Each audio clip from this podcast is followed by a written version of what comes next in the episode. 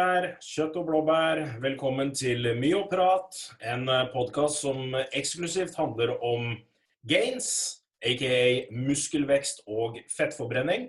Så i denne podkasten så har vi tenkt til å dekke temaer relatert til trening, kosthold, kosttilskudd og restitusjon for å optimalisere kroppssammensetning og muskelvekst. Mitt navn er Juma Iraki, og med meg på den andre siden har jeg min gode kollega Markus Haugen. Markus, halla, hvordan går det? Hallais, alt bra med meg. Hvordan går det med deg? Jo, det går, eh, det går bra.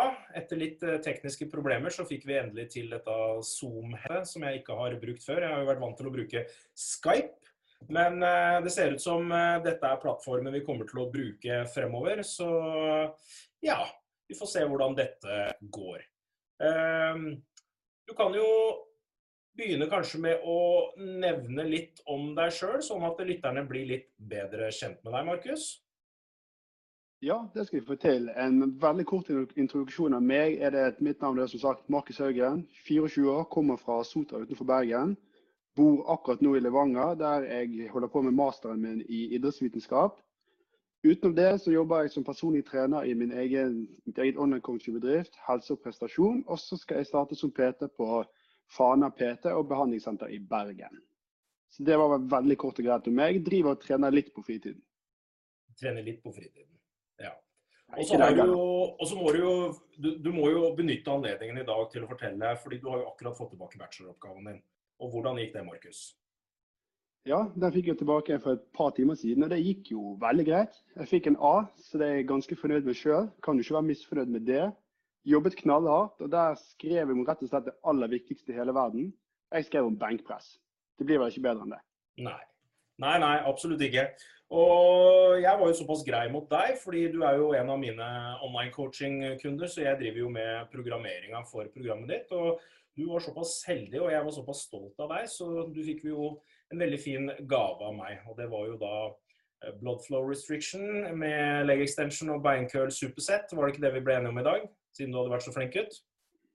Jo, det var jo dessverre det vi ble enige om. Så jeg får vel komme på senteret etterpå og ta livet av beina mine. Men det får vel gå greit. Det er jo deload, så hvorfor ikke? Ja, du kan jo kjøre på med legger i samme sleng, kan du ikke vel? Jeg har gitt opp. For vi vet jo alle at legger, det er kun gener. Det er kun gener, ja. ja. Og det er, vet du hva, sånn helt ærlig, mest irriterende folka jeg noensinne vet om, det er de som går rundt med massive, massive legger, og så spør du hvordan trener du legga, så sier de nei, jeg trener ikke legger.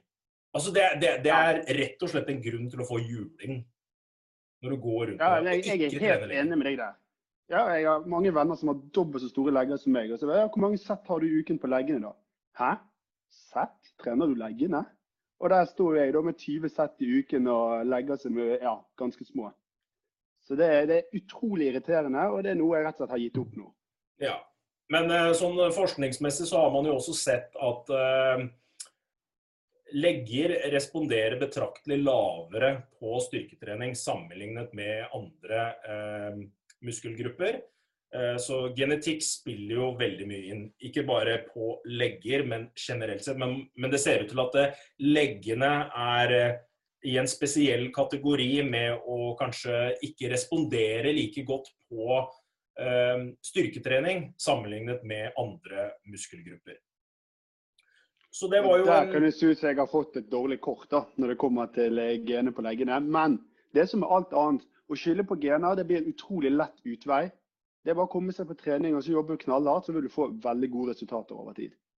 Ja, og jeg, det er jeg faktisk helt enig i. Og selv med legger så har man jo sett folk som har et ganske dårlig utgangspunkt. Jeg tror det er veldig enkelt å legge skylda på gener, spesielt når det kommer til leggtrening. Men de fleste som trener legger og ikke får respons på dem, har heller ikke systematisk over tid fokusert på progresjon. Og så tror jeg også en del feiler når det gjelder utførelsen av leggtrening.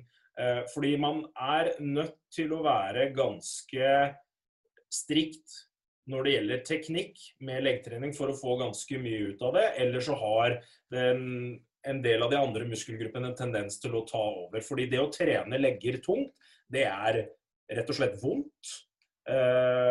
Og det er kanskje også litt vanskelig for folk å pushe seg til det ytterste når man trener lenger. Fordi legger generelt sett tåler ganske stort eh, volum. Eh, og da er det ikke alltid det er like lett å på en måte eh, tvinge dem til å, til å, respondere på styrketreningen. da.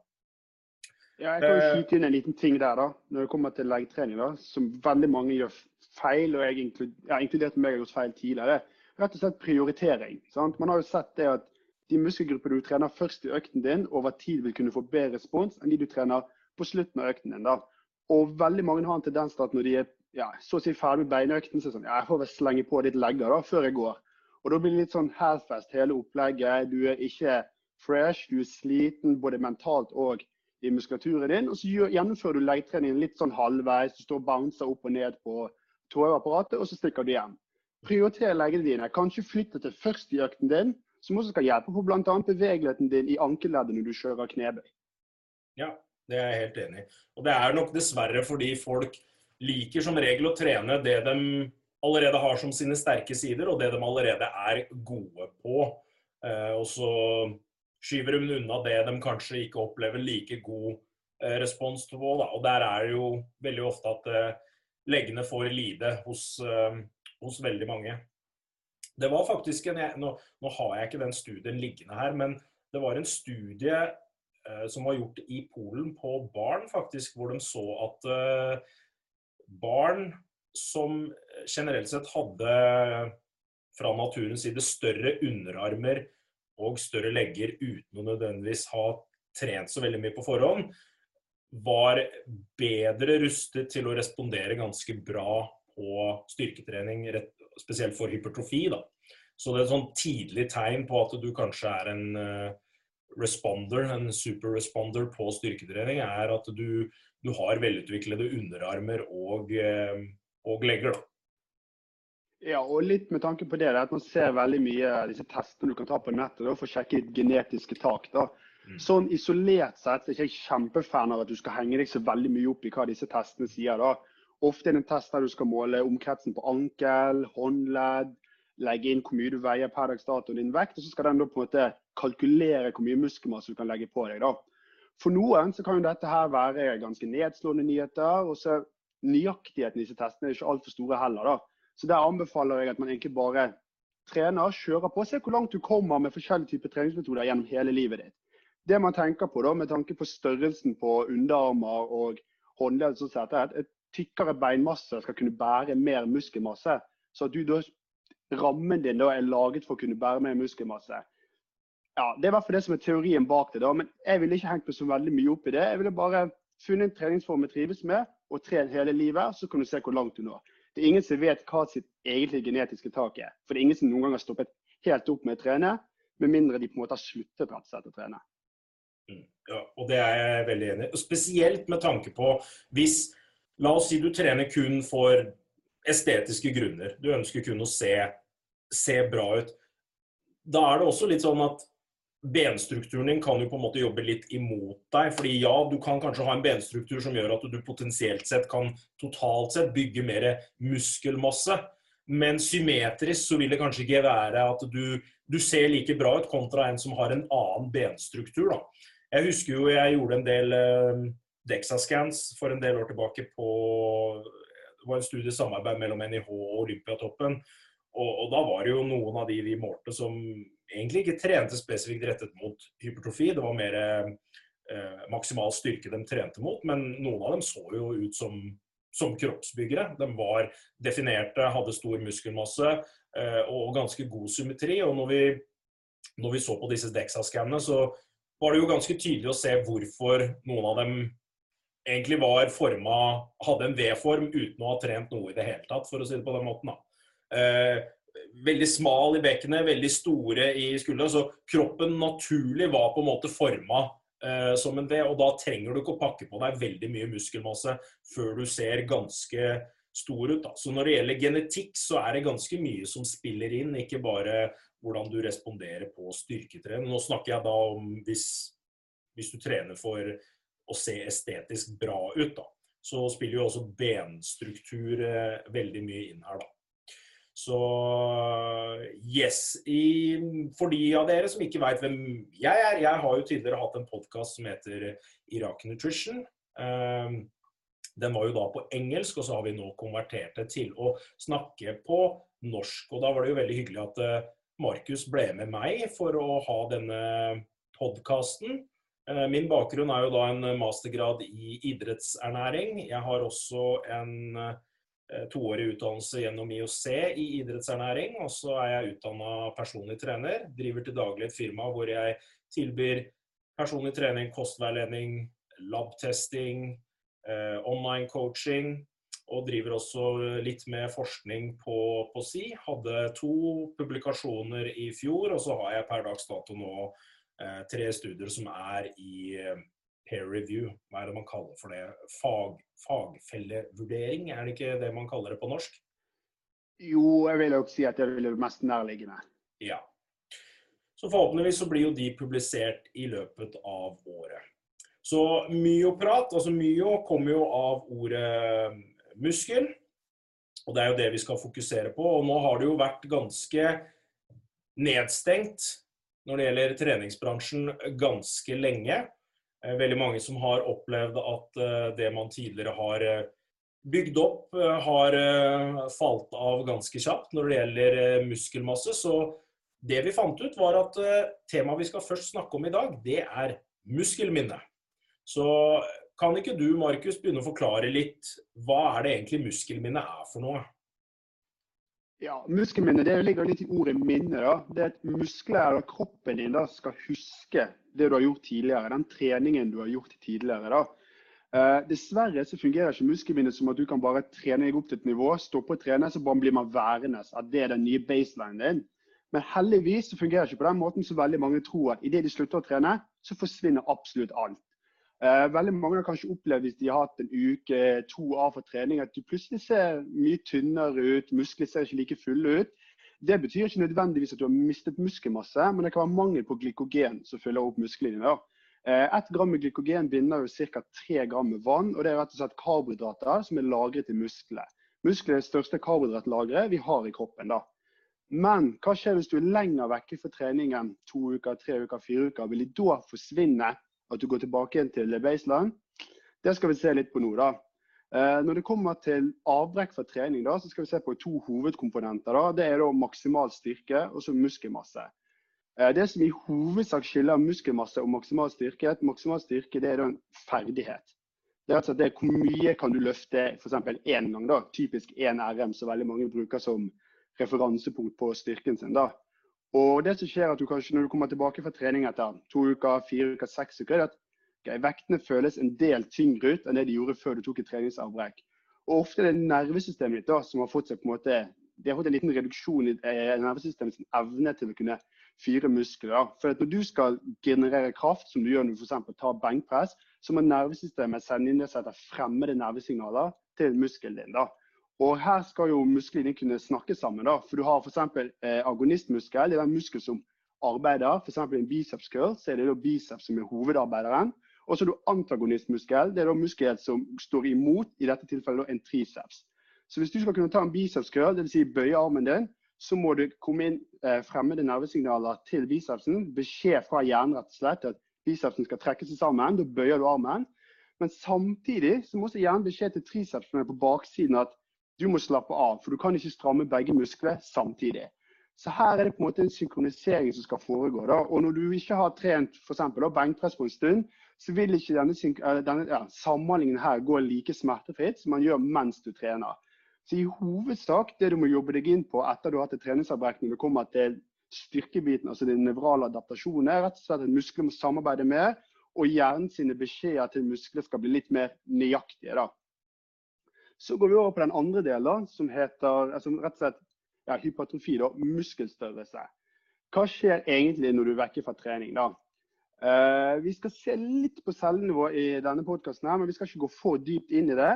Så vi kan jo starte litt med hva skjer når du ikke trener. Jo, muskelfibrene de blir mindre. De trekker seg rett og slett sammen. De forsvinner ikke, men de trekker seg sammen, og de ser derav mindre ut. Hva er det som da gjør at en person som har trent før, vært vekke fra trening, blir mye raskere og sterkere igjen enn en person som aldri har trent før. Jo, vi har noe som heter myonukleider, som er inni muskelfibrene. Det er rett og slett noe som sender signaler om at her skal vi bygge muskler, vi skal produsere protein. da. Så det som skjer er at Når du bygger muskler over tid, så vil du få flere av disse myonukli.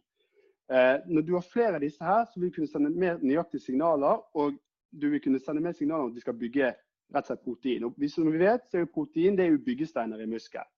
Når du slutter å trene, så forsvinner ikke disse myonuklei. Så hvis vi tar et veldig enkelt eksempel. Du har en person som har trent i fem år, men har vært vekke fra trening en periode. Og en person som aldri har trent før, og de skal begynne å trene samtidig. Så vil den personen som har trent før, vil ha mer av disse myonuklei, som gjør at musklene vil vokse kjappere tilbake igjen til det nivået de var på før. Vi skal se litt på et studie som er gjort her da, av Seaborn et al. 2018. Eh, veldig kort. Det de gjorde i det studiet, det var at de hadde tre blokker. da. Først syv uker med trening, så syv uker uten trening, og så syv uker med trening igjen. da. Så da skal vi se hva som skjer når de først bygger muskler i syv uker. Ingen trening, og så begynte de å trene igjen. For å se hva, ja, hva signaler de fant her. da. Det de målte i dette studiet, her, det var rett og slett en eh, test av maksimalstyrke på fremside lår. Og som eh, sjekket de opp i muskelstørrelsen gjennom et DEXA-scan og noe som heter muskelbiopsi. Muskelbiopsi det tar de et snitt av muskel, og her kan de se på en rekke signaler for muskelvekst. Veldig kort, det de eh, fant ut var at dette var utrente personer, så selvfølgelig ble de sterkere og fikk større muskler i den første treningsperioden. Og ja, styrken forsvant litt når de ikke trente, og muskelstørrelsen gikk litt ned den perioden de ikke trente som er helt naturlig, før den økte igjen i periode nummer to. Det man så i periode nummer to, at de fikk en ganske god muskelvekst, og de endte opp med bl.a. at styrken var 18% bedre på slutten av blokk to kontra før de startet på blokk én. Og muskelstørrelsen var 12% større på slutten av blokk to kontra den var på eh, starten av blokk én. Og da er det litt sånn, Hva kan det være som har gjort dette her? da? Vi har noe som heter methylation på engelsk. da. Eh, vi kaller det bare rett og slett signaler for muskelvekst i denne podkasten. Hva sier du, Juma? Ja, Der de måler det... dette. Ja. Mm. Det som er med dette, er at de måler da mengden av methylation. da. Og dette her er noe som gir signaler fra, via DNA til mRNA, som igjen gir signaler om at vi skal bygge proteiner. Jo mer du har av ja, dette methylation, dette signalet her, jo mindre, jo færre ganger vil et RNA bli lest. Hvis et RNA blir lest færre ganger, så vil det gi færre signaler til proteinet om at hei, her må vi bygge muskler. Eh, det var litt sånn tekniske problemer der, Markus. Skal ikke du bare fortsette der hvor du slapp med å forklare? Ja, jeg tror vi snakket om dette her methylation da, som vi har inni cellene våre, da, som vi kan kalle rett og slett ja, signalisering da, til protein. Da. Når du trener, så fører det til en nedgang i dette her methylation, som gjør at et gen det blir lest flere ganger, som igjen resulterer i at vi får mer protein. Og mer protein det fører til mer muskelvekst. Så det man ser i dette studiet her, da, at mengden methylation som man har etter et treningsavbrekk, er nesten det samme som man har etter man er ferdig, etter man har endt en treningsblokk. Så det vil si at selv om du er vekke fra trening, så vil du fortsatt vil cellene fortsatt være mer forberedt på å bygge muskelmasse. Da. Så en person som aldri har trent før, har litt høyere nivåer av dette her. Dvs. Si at det er vanskeligere å kunne bygge muskelmasse. Mens en person som har trent før, vært vekke fra trening, har lavere verdier av denne signaliseringen, her, som gjør at vi kan rett og slett produsere mer proteiner. da. Og mer protein det fører til mer gains, som veldig mange sikkert har fått med seg. da. Så da er spørsmålet hva er rett og slett muskelminne? da? Jo, veldig enkelt og banalt forklart så kan man si at muskelminne her er det at vi har lavere mengde med methylation, som fører til at vi er mer klar for å bygge muskler. Og vi beholder mengden myonuklei, som vi snakket om litt tidligere, som er viktig da for muskelveksten. da. Så hvis vi skal se litt på takeaway points for dette her, og litt sånn hvordan vi kan gjøre dette her i praksis, da, så er det rett og slett at veldig mange er redd for treningsavbrekk. Med en gang du er vekke fra trening, så mister du muskelmasse, du må begynne helt på nytt igjen. og ja, Hele den regelen der. Uh, hvis du ser at ok, fremover så har jeg det sykt, sykt travelt. Jeg har kjempetett eh, kalender. Jeg skal gjøre det, jeg skal gjøre det, jeg må dra på ferie her, dra overalt. Så har vi sett det at en liten pause fra trening det vil ikke ha noe å si for egentlig både størrelsen og styrken din. da. Eh, et annet praktisk, eh, en annen praktisk tilnærming til dette her kan jo være hvis du begynner å kjenne på at du har litt småskader. da. Altså, du kjenner at nå skulderen din den samarbeider ikke helt. Det kan være en belastningsskade. Så vil det være kanskje bedre for deg at du reduserer mengden, eller kanskje tar fri fra trening i en uke eller ti dager, enn at du presser deg gjennom disse skuldersmertene. Det skal føre til et lengre treningsavbrekk senere. Så la oss si du kjenner at ja, nå samarbeider ikke skulderen helt. Istedenfor at du tar en syv dagers pause, kanskje, så kan det ende opp med at du får en langvarig betennelse i skulderen, skade, så at du mister tre-fire-fem måneder med trening senere. Så for de som hører på dette, så kan man tenke at man kan ha en litt mer konservativ tilnærming til hvis man begynner å pådra seg skader. Og at en liten pause, det er ikke krise. Videre, hvis du skal på ferie f.eks. Når du er på ferie, så har du ikke tilgang til treningsutstyr. Kanskje ikke de du drar på ferie med ja, har lyst til å sette av tid til at du skal gå på trening. Så kan du tenke deg at vet du hva, det går helt fint. Musklene mine vil bare ikke forsvinne selv om jeg drar en uke til Syden. Mm.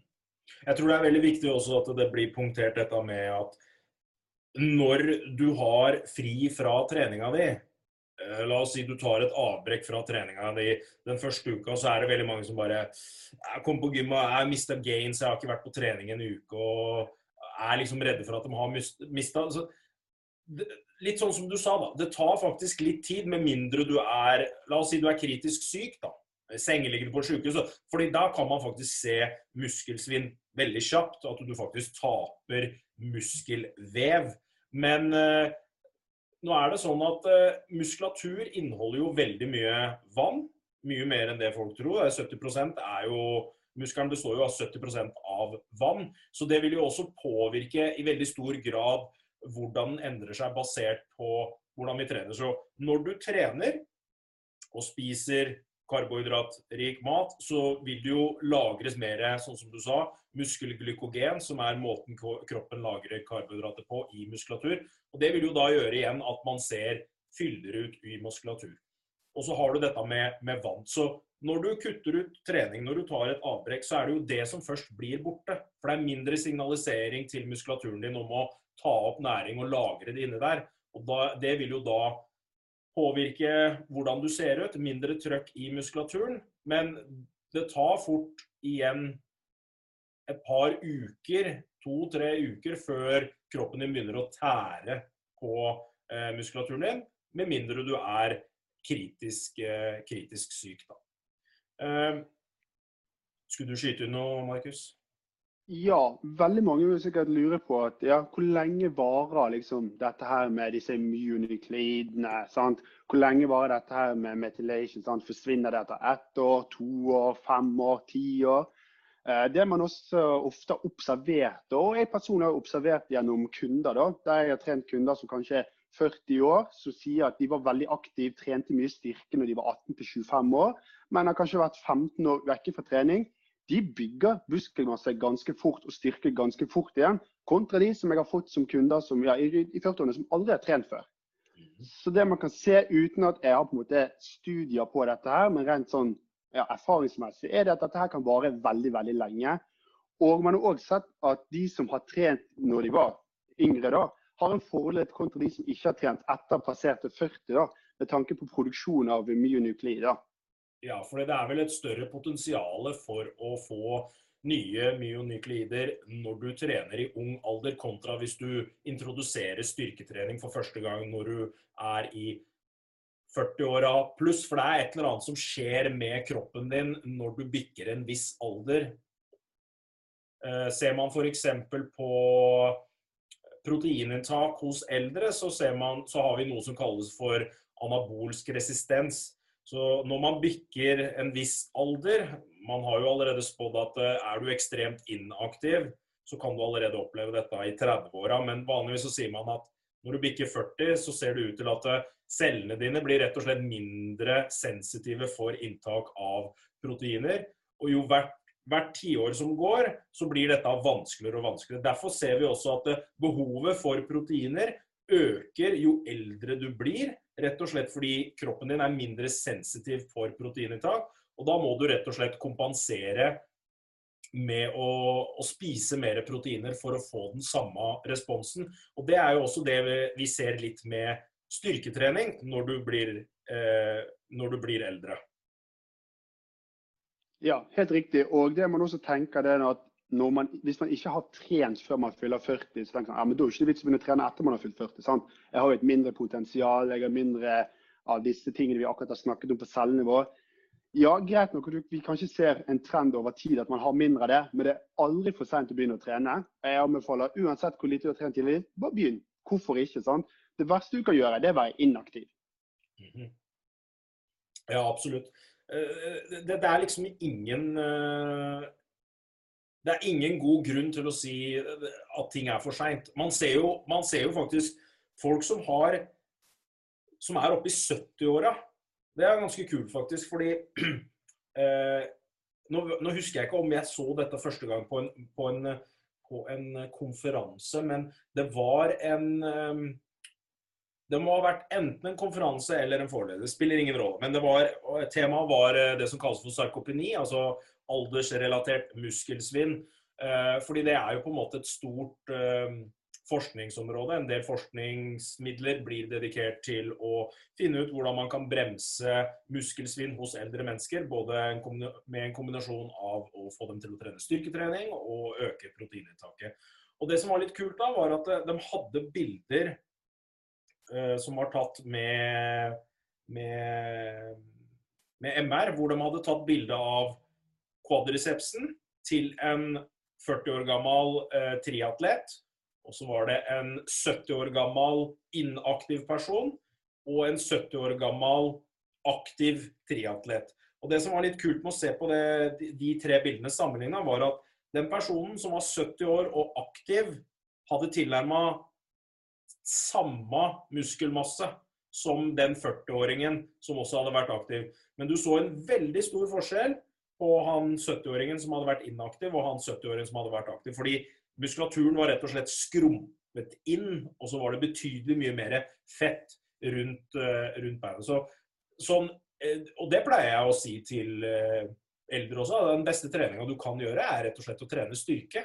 Rett og slett fordi du har så mange fordeler med å trene styrke, både når det gjelder eh, vektkontroll, eh, benhelse, eh, muskulatur, opprettholde funksjonalitet i kroppen. Det er så mange fordeler med eh, styrketrening sammenligna med utholdenhetstrening. Nå sier jeg ikke noe om Selv om vi er, vi er ikke anti-utholdenhetstrening, det er bare det at vi er ikke så veldig opptatt av det. Vi, det er ikke noe hate mot utholdenhetstrening i det hele tatt. Fortsatt lurt å trene utholdenhet. Men hvis man skulle sammenligne de to, så ville jeg, altså hvis du er begrensa på tid, så pleier jeg som regel å si til kundene fokuser heller på styrketrening og vær heller aktiv i, i hverdagen din, kontra å bruke tid på eh, utholdenhetstrening. Men selvfølgelig, det beste er jo om du klarer å ha en kombinasjon av, eh, av begge deler. Ja, og noe jeg kan skyte inn der, da, hvis eh, dere som hører på enten trener eldre eller er i kontakt med eldre, da, så ønsker å trene, er at der man ofte ser fordeler av styrketrening for eldre, da, det er rett og slett det at mer muskelmasse de blir ofte litt mer eksplosive, som er veldig viktig når de skal reise seg f.eks. fra stoler. Og det er fallforebyggende. For det som skjer for eksempel, Hvis du holder på å skli på isen, så hvor raskt kan du forflytte beina dine for å gjenvinne balansen? En ting som er viktig med dette, her er rett din muskelmasse. Større muskelmasse kan generere mer kraft, så du kan flytte ting fortere. Eh, personer som er sterkere, har mer muskelmasse i beina og rett og slett har egentlig et nervesystem som er trent på dette, vil ha større sjanse for ikke dette når, eh, ja, når, de begynner å skli på isen. Andre punktet det er jo det at styrketrening det hjelper jo på tettheten i beina. Som gjør at hvis du har tykkere beinmasse, så er du på en måte Du vil ikke være like utsatt for f.eks. beinbrudd, da, som man kan oppleve hvis man skulle falle når man blir eldre og få dårligere balanse. Og Det er jo også måten man ofte oppdager eh, benskjørhet på, er jo nettopp med å ta en Altså, benskjørhet er jo veldig vanskelig å oppdage med mindre du tar en DEXA-scan, for det er jo egentlig det primært DEXA-scan brukes, eh, brukes, til. Men benskjørhet blir jo ofte oppdaga for seint, da. For det, det, blir jo oppdaga etter at folk har tryna på isen og, og, og, knekt et eller annet. Så det er, det er jo et, et område hvor, eh, hvor, det bør være et økt fokus, også fordi Norge er ganske høyt på verdensbasis når det gjelder benskjørhet. Hvorfor det er tilfellet, det kan jo forklares på mange ulike måter. Det er mange som sier sånn ja, Vi drikker så mye melk. Men fortsatt så, så, så, har vi så mye benbrudd, og ergo så er det ikke noe vits å drikke melk. Altså Det er så dustete argument som det går an å, ja. å, få det. Fordi kanskje du får enda mer brudd hvis du ikke drikker melk. Og fordi folk, folk må forstå en ting. Benskjørhet, det er veldig komplekst. Det er ikke 'jeg drakk litt melk, og så ble beina mine sterke', og that's it. Det er ikke sånn det funker. Det er så mange komponenter her inne.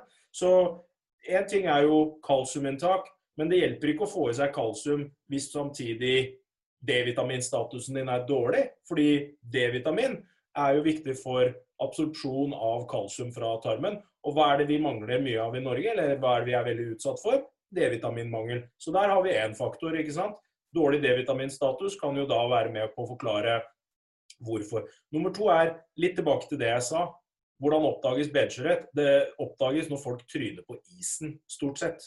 Hvor er risikoen da for å oppdage mest benskjørhet? Er det i Oslo, hvor det er eh, glatt på vinteren, eller er det i Batswana, hvor de kanskje aldri har sett snø i det hele tatt? Ikke sant? Det, er litt sånn du må også se på det. Hvor er det størst sannsynlighet for at eh, benskjørhet blir oppdaget? Fordi det er en betydelig høyere risiko for å oppdage det, eh, eller påse tilfelle, få, få tilfeller av det i land hvor det er ganske mye is, og hvor det er en risiko for at du tryner på isen. Så det er litt mer komplekst enn det folk tror. Men én ting du bør gjøre, det er å trene styrke. For det er litt sånn som du sa, man reduserer risikoen for det. Så, så vi vet i hvert fall at uh, disse myonykleidene, de blir, jo, de blir jo ikke borte. Det har jo på en måte sett både i studier som ser på, eh, på dyr, at de ikke blir borte, men det er jo også fossiler hvor man faktisk også har sett i menneskevev, at det her er det faktisk ikke en reduksjon i dette. Og En ting som kanskje også er greit å nevne, det er jo dette med bruken av anabole steroider. Fordi Som mange vet, så er jo anabole steroider eh, bannlyst fra, fra, idretter. Tester du positivt på, på, doping, så litt varierende grad hvor lang straff du kan få. Men det kan være snakk om alt fra et par måneder til flere år ut fra hva du har testet positivt for, og hvor alvorlig eh, dopingbruddet er. Da. Men det som er litt spesielt med akkurat bruken av anabole steroider, det er at eh, litt det samme som vi har snakket om nå, at det skjer jo en endring. Det skjer rett og slett en endring på DNA-et ditt, altså genene det, blir, det blir en endring der. Og den endringen ser ut til å være eh, permanent. da.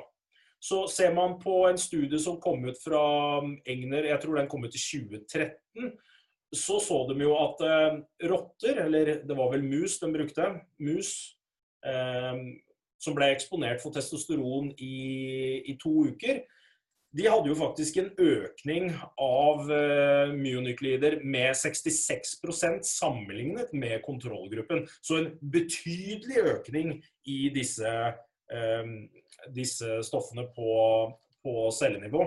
Men det som var litt interessant da, det var at eh, de lot disse rottene ikke bli eksponert for dette i tre måneder. Rotter, sier jeg. Mus. Mus. Uh, de, de lot disse musene ikke bli eh, eksponert for testosteron, og ikke trente over en tre måneders periode. Og Tre måneder høres kanskje ikke så veldig mye ut, men det er tross alt 10% av livet til en mus. Så sånn sett så er det ganske mye. Så når de da studerte dette i ettertid, så så man at eh, disse myonykleidene de ble jo faktisk ikke borte. Og når de da begynte å få dem til å trene igjen, så hadde de jo faktisk en økning på 31 i muskelmasse etter seks dager. Sammenligna med kontrollbør. Ja, det er helt sjukt. Men det viser kanskje hvor eh, potent og hvor, eh, hvor stor effekt eh, suprafysiologiske doser med testosteron kan ha på ganske mye av det som skjer på cellenivå når det gjelder muskelmasse. Da. Og når man da også ser at har du først brukt anabole steroider og får denne fordelen med økning i myonukleider, så bør man jo også kanskje begynne å vurdere litt om blir du tatt for dette, så bør du ha en en life-band. fordi selv om du ikke bruker eh, anabole steroider senere, så vil du alltid ha en viss fordel fordi du brukte det én gang og rett og slett eh, oppregulerte en del ting på cellenivå. Og igjen, disse tingene blir faktisk ikke borte. Og dette er jo ting som, som har vært ganske mye diskutert. At uh, når man ser dette uh, At dette skjer på cellenivåene, og man har den fordelen, uh, er det da rettferdig at man bare har en, en dopingstraff da, på en, ja, en par måneder eller et par år, og så kommer man tilbake? Fordi du har jo fått faktisk en permanent endring der. Og man ser jo også en betydelig mer robust eh, muskelminnerespons når du faktisk har disse tingene i systemet ditt. Da. Så det er jo også en annen, en annen faktor. da. Det som skal være litt interessant å nevne når vi først snakker om anabole teori, det er jo det basinstudiet. da. Jeg husker ikke om det var fra 98, da, men der ser man bl.a. når man gir disse enorme mengdene med bl.a. testosteron, da, at den gruppen som ikke trente, men fikk testosteron, bygget mer muskelmasse enn gruppen som trente, men ikke fikk testosteron. Ja.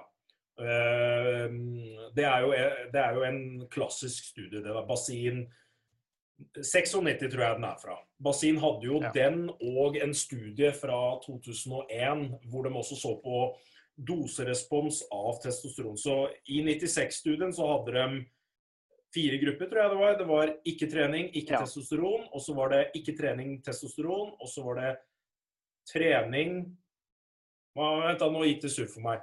Ikke trening, ikke testosteron.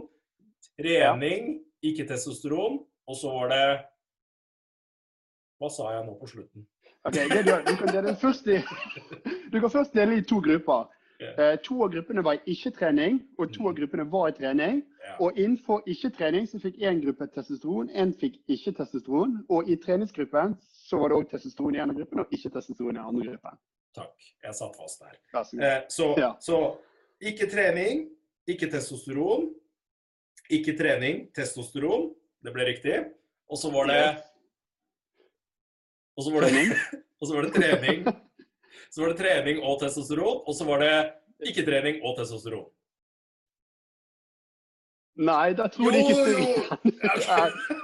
OK, glem det. Men det var i hvert fall én gruppe som Det var litt sånn som du sa, del i to. En gruppe trente, trente ikke Eller én gruppe fikk ikke testosteron, andre gruppa fikk testosteron. Og så var det en gruppe som, som trente, og en gruppe som ikke trente. Så ikke trening, ikke testosteron. Trening, ikke testosteron. Og så var det ikke trening, testosteron, og så var det trening og testosteron. Der satt den. Ja. Sånn var det. Det ja. tror jeg også. Ja. ja. Og da så man at den gruppa som ikke trente og tok testosteron, hadde bedre respons enn ikke-testosteron og trening. Det som var litt interessant i den studien nå, var at eh, ikke bare var det muskelmasse de så en effekt på, men styrkeøkning var så å si tilnærma det samme, selv om gutta hadde gjort nada, egentlig. For det var vel Jeg lurer på om studien var i ti uker? Ja, og det er ganske interessant med tanke på det at styrke er en spesifikk ferdighet. da. At du kan rett og slett bli sterkere uten å trene kontra de som trener pga. testosteronet. Selvfølgelig vil dette her være inntil en viss grad. Har du tatt verdenstoppen i powerlifting, så tror du kanskje du kunne fått litt andre resultater. Ja. ja. Så det er jo ekstreme effekter. Måten jeg pleier å forklare det på, da, det er jo at eh, sånn avslutningsvis på dette med, med testosteron eh, Måten jeg pleier å forklare det på, det er jo at eh, for at en muskel skal vokse, så må du ha en, en positiv økning i det som kalles for eh, eh muskelproteinbalanse. Altså du må være positiv på sida. Så det jeg pleier å si, er at vanligvis så er det jo sånn at både økninga, altså det som kalles for proteinsyntese og proteinnedbrytning, det er på en måte prosesser som pågår kontinuerlig. Det er ikke sånn at eh, nå er jeg på, nå er jeg av. De pågår kontinuerlig, men det er hvem som dominerer mer enn den andre. Så det jeg pleier å forklare på en enkel måte, da, det er at hvis du ser for deg en murvegg som vi kaller for muskelen, så er det en på den ene siden som legger murklosser på, og så er det en på den andre siden som tar murklosser av. Hvis de to jobber like kjapt, så hvis de to jobber like kjapt, så er det ingen endring i muskulaturen. Men hvis du trener styrke og spiser mer proteinrik mat osv., så, videre, og så, videre, så vil du på en måte ha Det er akkurat sånn som han som legger murklosser på, drikker en, en Red Bull. da. Ikke sant? Han får litt energi, og så klarer han kanskje å jobbe tre ganger så kjapt som han andre. Da vil jo denne murveggen bli større. Men når det gjelder testosteron i suprafysiologiske doser, så har jo ikke det bare en økning i proteinsyntese, men det har jo faktisk også en reduksjon på proteinnedbrytning. Så det som skjer da, det er jo som at uh, han som legger murklosset på, han, uh, han tar frem et balltre og denger løs på han på andre sida, og så får ikke han gjort noe som helst. Det er såpass ekstremt ja. faktisk hvilken respons det er. Så når folk sier at ja, det gir deg bare det lille for det, det er fullstendig bullshit. Sorry, altså. prøver du å forsvare bruk av testosteron, så Nei, det stemmer ikke. Litteraturen er ganske klar på hvor robust eh, effekten er. Og Det er derfor jeg også mener at eh, det bør egentlig være mye strengere straffer enn, enn man ser eh, per eh, dags dato når det gjelder idretter ved bruk av uh, ulovlige midler som anabole steroider. Absolutt. Og en ting med det er at folk har en tendens til å si sånn ah, ja, vi, Hvis du holder på med testosteron, og sånn, så trenger du ikke gjøre noe som helst. bare Muskler bare detter på det. da. Og hvis de òg refererer til måte, det basinstudiet, så kan man få et litt skeivt bilde på det. da. For ja, de som på en måte driver med sånn Mr. Olympia og alt sånt som dette her, da, de er jo full av masse greier. Men ja, de trener hardt òg. Men, men, dette er jo da eliten. sant? Det er på en måte en egen liten gruppe helt ytterst på en måte på kartet der, da. Ja. ja. Og det er jo ikke akkurat småtteri de gutta bruker. Altså, Det er jo en fulltidsjobb å bare sikkert få i seg det, det greiene de gjør, da. Uh, og som man ser, man ser jo altså Hvis man ser på kroppsbygging i dag, i hvert fall på proffnivå, så egentlig så syns jeg det har vært litt bra at, eh, at det har kommet litt andre grener innenfor, eh, innenfor kroppen, sånn som mensfysikk og bikini. og eh, Kvinnelig kroppsbygging er jo helt borte, og det er jo i hvert fall bra. Men, alt handler om størrelse? Ikke alt handler om størrelse, fordi det er en ganske betydelig helserisiko når du kommer på det nivået der. Fordi eh, man må rett og slett utsette seg for veldig mye bruk av ulovlige midler. Du har ikke sjans... Altså, når folk spør sånn Ja, tror du han bruker Altså, Ronny Coleman Ronny Coleman var 140 kilo med 3% kroppsvett på scenen. Selvfølgelig har han brukt. Er du morsom, eller? det er helt syke tall. Så man skjønner jo at man kan ikke gjøre det reint. Det bare går ikke. Nei, det, det går ikke. altså. Coleman er 1,80 høy. 140 ja. kilo og 3-4% kroppsvekt på scenen. Selvfølgelig bruker han noe. Han har ikke bare spist grøt og drikke mjølk. Det er, ikke sant? Selvfølgelig har han det, og det er ganske store. Men i senere tid så har jo gutta vært ganske åpne om det. Så ja. Så ja. Men, og det er veldig viktig at man er åpen om det. da.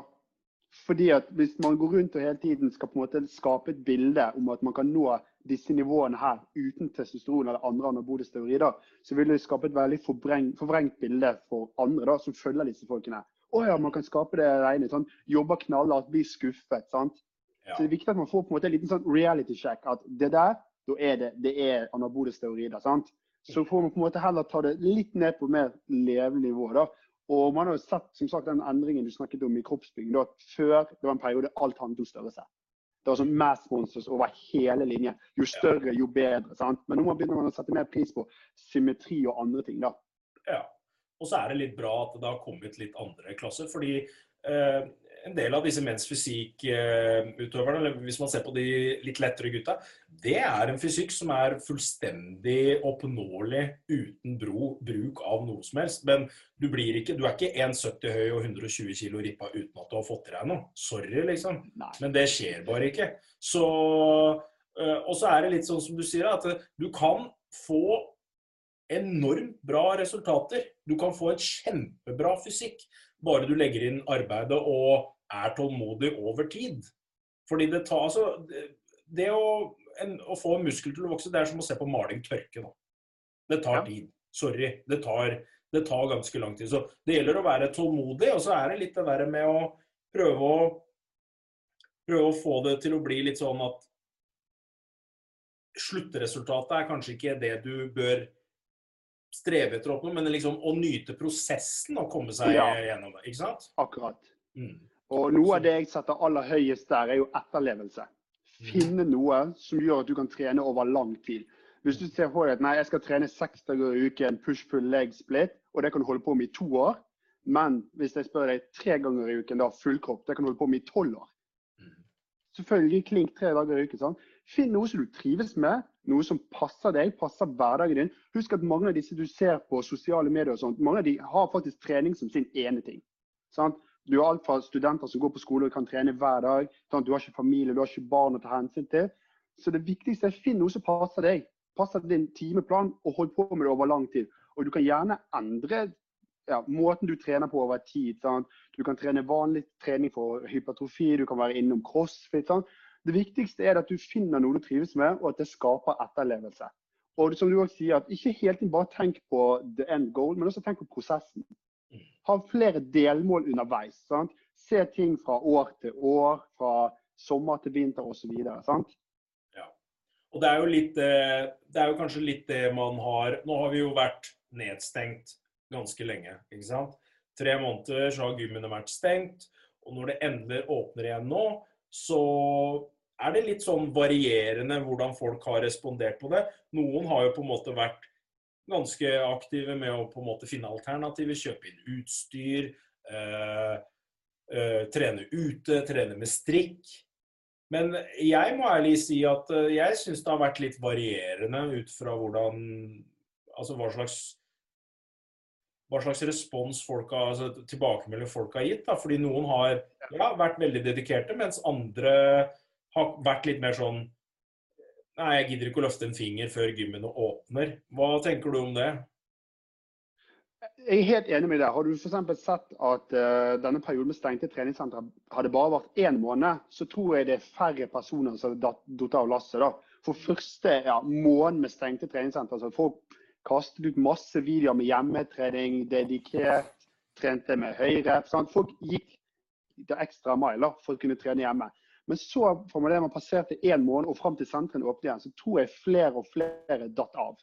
Og til slutt så kom folk litt til den konklusjonen sånn at ja, nå har jo ikke jeg egentlig trent de siste to månedene, så trenger ikke jeg trene før etter sommeren egentlig. Hvorfor begynne nå, liksom? Så jeg har jo av lasset uansett.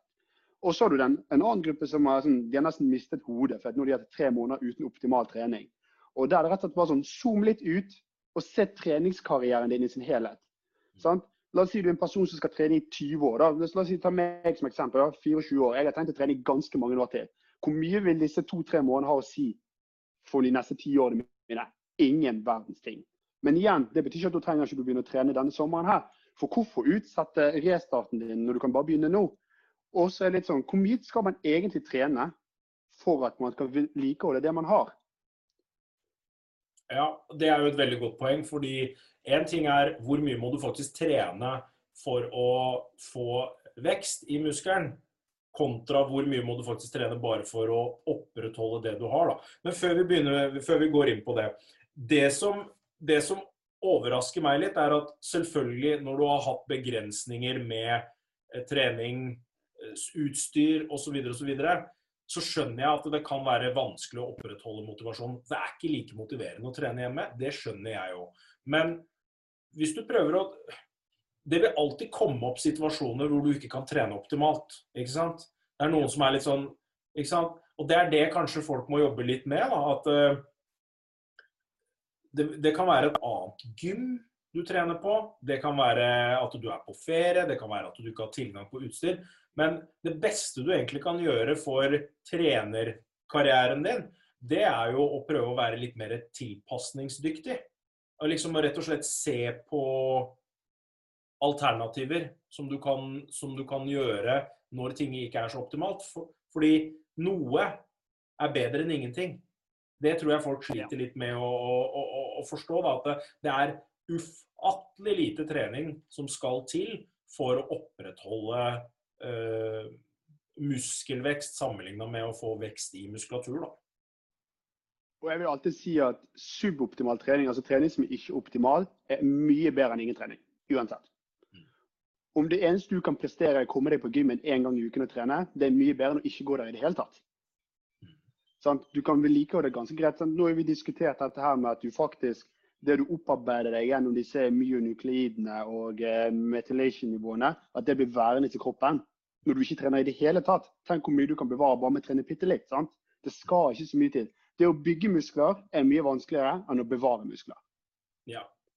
Og så Senest i dag når jeg var på, jeg, jeg var på jobb i dag tidligere, så, så, så, så snakker, jeg med, snakker jeg med en um, snakker jeg med noen på gymmet, og så er det flere av dem som sier ja, jeg har bare trent utholdenhet nå, jeg venter med styrketreninga til jeg kommer tilbake etter ferien. Ja, når er det du skal på ferie? Nei, jeg skal på ferie om fire uker.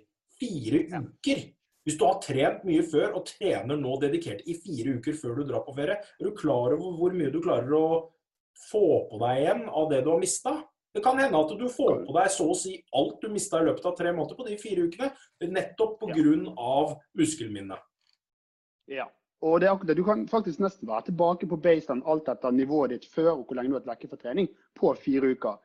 Sant? Og det verste du gjør, som sagt, det er jo ikke trene. Da kommer du i hvert fall ikke tilbake til baseline, og du vil ha enda mer du må opparbeide etter denne ferien du skal dra på om fire uker.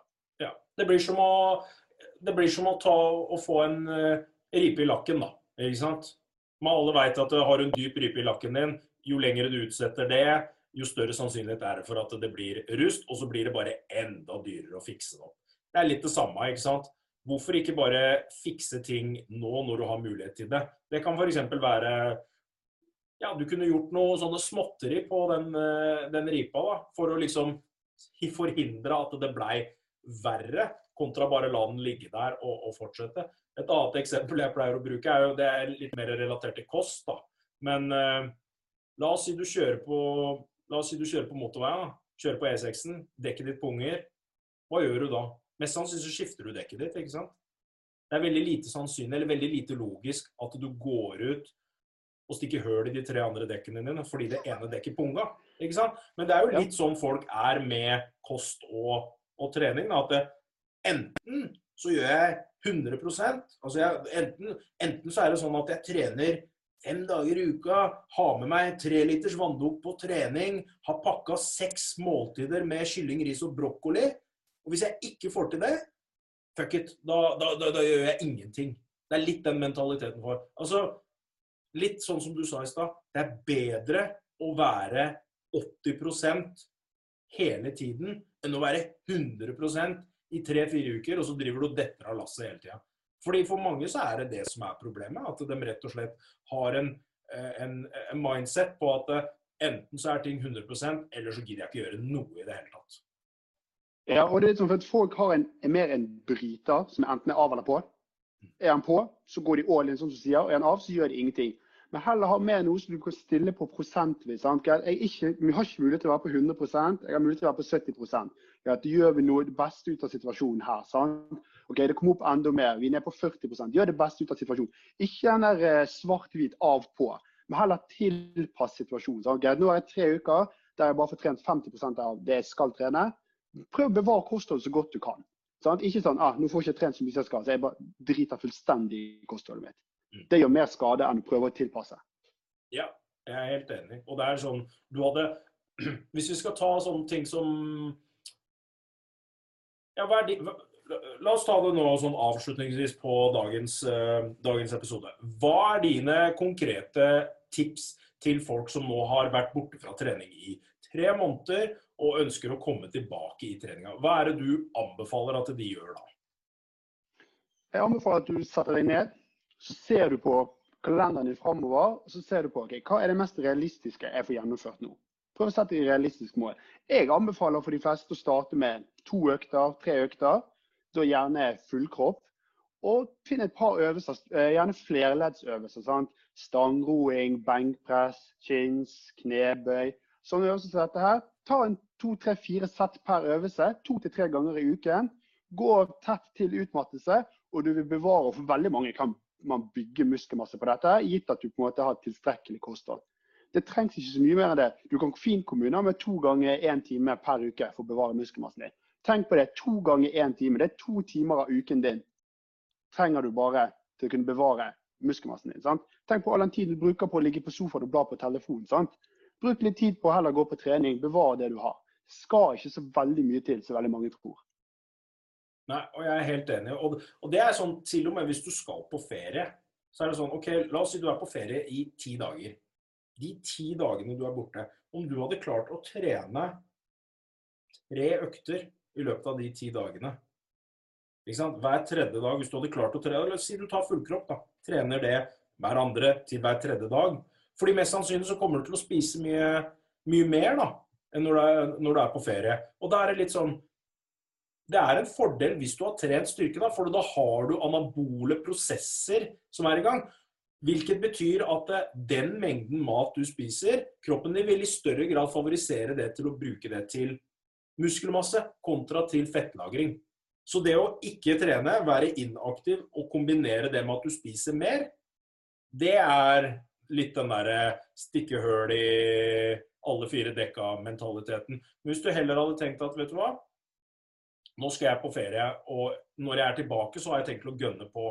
Men jeg klarer å holde en viss kontroll på ting. Jeg kan prøve å trene to ganger, tre ganger i uka, eller tre ganger hver tiende dag mens jeg er borte på ferie. Jeg kan fortsatt prøve å fokusere på å spise proteiner til hvert måltid, men jeg unner meg litt ekstra til middagen hver eneste dag. Eksempel. Det er sånne enkle retningslinjer som du kunne fulgt for å gjøre litt sånn damage control, men samtidig tillate deg sjøl at du har det eh, litt ekstra godt på ferie, da. Men øh, hvis man skal tenke langsiktig, så er det lurt å innarbeide sånne type strategier og rutiner.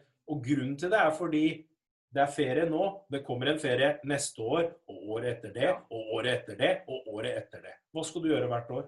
Skal du gønne på frem til sommeren, og så gi F i to måneder, og så komme tilbake, og så fortsetter den syklusen? Det er ikke så veldig lurt å gjøre det på den måten. Prøv heller å dempe forventningene dine til hva du kommer til å klare gjennom sommeren. Og det trenger ikke å være sommerferie, det kan være også andre ting. Jeg har jo folk som kommer og sier Nei, jeg får ikke trent nå fordi jeg har eksamen. Og hvorfor får du ikke trent da? Nei, for det er så mye Ja, men OK, hva med å heller bare si til deg sjøl at eh, denne perioden her kommer til å være veldig mye stress. Jeg kommer til å bruke mye tid på lesing osv. osv. Ja, OK. Jeg er enig i at du kanskje da bør redusere volumet på treninga di, redusere frekvensen. En grunn er jo fordi det frigjør tid til at du kan lese mer og være mer fokusert. Men man ser også en betydelig økt skaderisiko når man har eksamensperiode. Det har jo blitt gjort en del studier på det her i USA bl.a. At det er større sannsynlighet for å skade deg i stressa perioder, som f.eks. en eksamensperiode. Men ikke glem det også at eh, frisk luft, fysisk aktivitet, er også veldig viktig for innlæring og konsentrasjon. Så det å faktisk prioritere fysisk aktivitet litt under en eksamensperiode kan være gunstig med tanke på innlæring og eh, rett og slett potensielt gi deg bedre resultater. Ja, jeg vil også bare skyte inn at Hvis du nå har vært vekke fra trening i to-tre måneder. Det skal jo ingenting til for at du begynner å bygge muskelmasse igjen. For hvis ditt referansepunkt nå er ingen trening, så vil jo én trening ikke være bedre enn ingen trening. To ganger i uken vil være bedre enn ingen trening. sant? Du, vil, du, trenger nesten ikke gjøre noe. Det er bare å gå på treningssenteret og begynne å ta litt på hvert apparat der, så vil du begynne å bygge muskler igjen og styrke igjen. Det vil være kjempegøy. Du trenger ikke mer enn to ganger i uken. sant? Det er ikke så veldig mye som skal til, og spesielt ikke etter et langt treningsavbrekk. Eh, for de som har trent i noen år, så er de to gangene du kan bygge mest muskelmasse, det er første gang du begynner å trene, og når du kommer tilbake etter et langt avbrekk. Da kommer noob-gainsene tilbake. Noob-gains, det liker vi. Ja. ja. Yes, men da tror jeg vi sier eh, takk for oss for dagens uh, første Eller den første episoden vi har hatt. Vi kommer jo til å ta opp mye flere temaer her. Og til som, dere som hører på podkasten eh, Podkasten vil du finne i videoformat på YouTube. Eh, du vil også finne den på Soundcloud, eh, iTunes, eh, Spotify, Stitcher. Stitcher. Det er vel alle, er det ikke det? De fem? Ja, jeg tror det. YouTube, Stitcher, Soundcloud, Spotify, iTunes. Ja. Det, ikke, det heter ikke iTunes lenger, det heter vel bare podkast. Apple Podcast, tror jeg det heter nå. Jeg har ikke et eneste Apple-produkt, jeg vet ikke. Nei, nei. Det er kanskje det. Men det, det Takk skal du ha, Markus.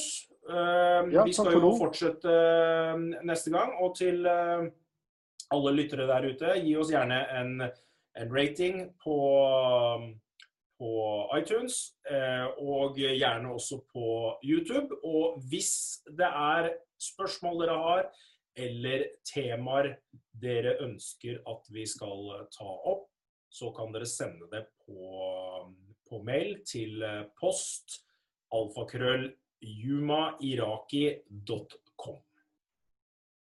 All right, Markus. Da får du kose deg videre. Du skal vel kill legs i dag, skal du ikke det? Nei, nå skal jeg faktisk på laben og ta litt datainnsamling til masteren min. Så skal jeg heller feire med blood flow restriction i morgen. Mm, ja vel, ja. Du er den typen, ja. OK, ja. Det er greit. Ja. Jeg han som utsetter ting. yes. Nei, men da får du kose deg på lab. Så snakkes vi. Det gjør vi. Greit, det. Hei, hei.